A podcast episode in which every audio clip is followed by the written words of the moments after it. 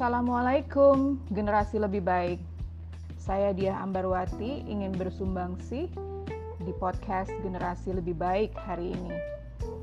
Insya Allah hari ini saya mengangkat tema mengenai personal skills of paradox navigator atau artinya adalah bagaimana kita bisa menavigasi ya personal skills kita terutama bagaimana kita menata ini di masa-masa uh, pandemik atau COVID-19 yang selama ini akhirnya membuat kita harus tetap berada di rumah. Nah, personal skills of paradox navigator ini saya dengar juga dari Dave Ulrich, pakar manajemen dan human resources yang berasal dari Amerika. Pada dasarnya, Dave menyampaikan lima keterampilan yang diperlukan untuk menghadapi situasi yang sekarang ini tidak menentu. Nah, di sini beliau menyebutkan ada lima keterampilan dan beberapa contoh real actions yang kita bisa terapkan tingkah lakunya. Yang pertama adalah keterampilan untuk menghadapi kompleksitas. Nah, Contoh-contoh dari tingkah laku yang bisa kita lakukan adalah pertama, mari kita sama-sama melihat masalah dari berbagai sudut. Biasanya, waktu kita masih bertatap muka, akan lebih mudah buat kita memahami sebuah pesan komunikasi. Sekarang ini, kita berkomunikasi melalui virtual media. Nah, ini memerlukan banyak kesabaran, banyak waktu, dan banyak pemikiran-pemikiran sehingga kita benar-benar memahami apa masalahnya. Dan ini terjadi pada saya, di mana biasanya contohnya saya meluangkan waktu hanya satu menit untuk berbicara tatap muka, tapi untuk virtual talking saya memerlukan waktu lebih lama karena saya ingin mengerti apa perspektif lawan bicara yang saya ajak berkomunikasi. Kemudian, dengan meluangkan waktu, ada sikap yang otomatis juga terbangun, yaitu menghormati dan menghargai pandangan orang lain. Dari situ juga, saya akhirnya belajar mendapatkan ide-ide baru dan melihat pola dari beberapa kejadian. Jadi, benar-benar powerful nih keterampilan yang pertama ya. Dengan memahami kompleksitas, modalnya cuma mendengar dan mengerti perspektif dari orang-orang yang berbeda. Keterampilan kedua adalah keterampilan untuk tetap bisa menawan secara sosial walaupun kita stay at home. Yang pertama, gimana caranya kita bisa menyatakan ketidaksetujuan dengan baik-baik? Gimana caranya kita bisa berpendapat lain tanpa harus menimbulkan permusuhan? Ini agak challenging kalau kita lakukan secara virtual. Kenapa? Karena kadang-kadang koneksinya tidak bagus.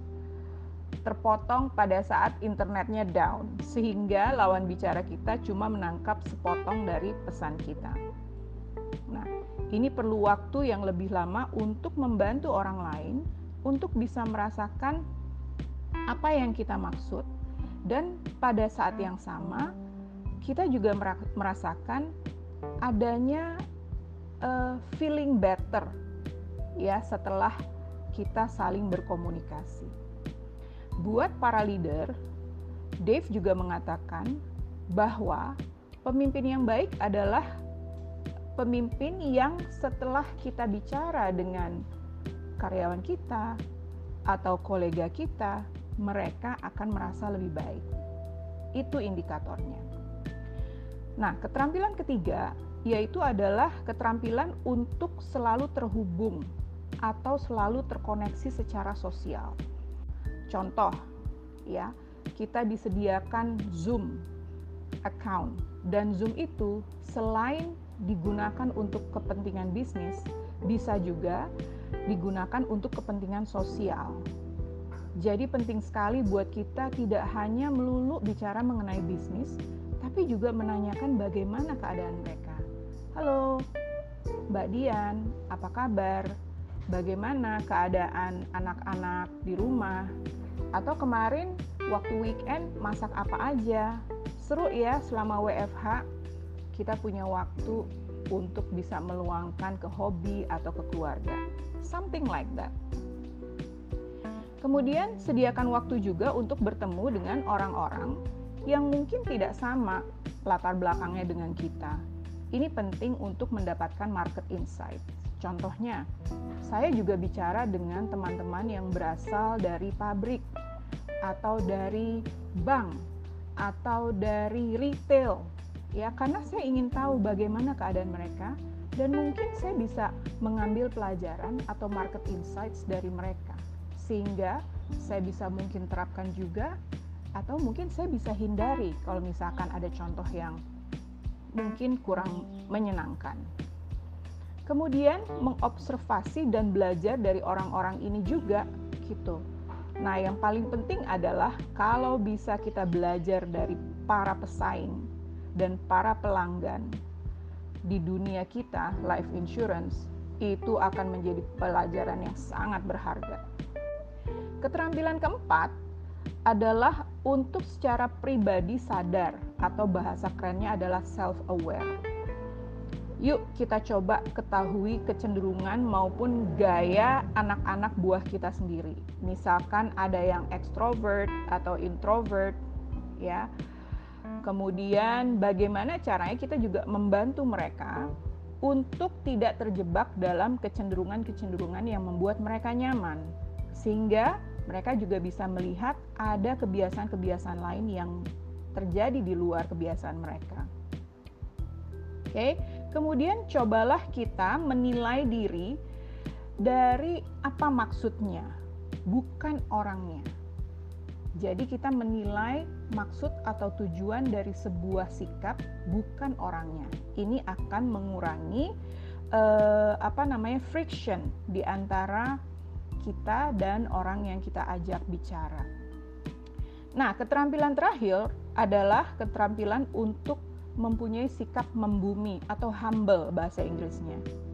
Nilai-nilai ini biasanya terkait dengan bertingkah laku secara konsisten kalau baik dengan satu orang, baiklah juga dengan orang yang lain. Ya, hindari juga untuk kita menjadi eh, orang-orang uh, yang ada di kelompok eksklusif, gitu ya. Jadi, yuk kita coba untuk merangkul sebanyak-banyaknya orang-orang yang bisa membantu bisnis kita, walaupun mereka mempunyai background yang berbeda-beda atau sifat yang berbeda-beda. Intinya satu, kita humble. Kita membumi. Bahasanya, sikapnya, kemudian uh, cara cara apa namanya mengengage mereka gitu ya. Pasti ini akan membuahkan hasil yang lebih baik. Nah, semoga bermanfaat. Kita tetap semangat dan kita tetap perform highly dalam situasi COVID-19 ini. Wassalamualaikum warahmatullahi wabarakatuh.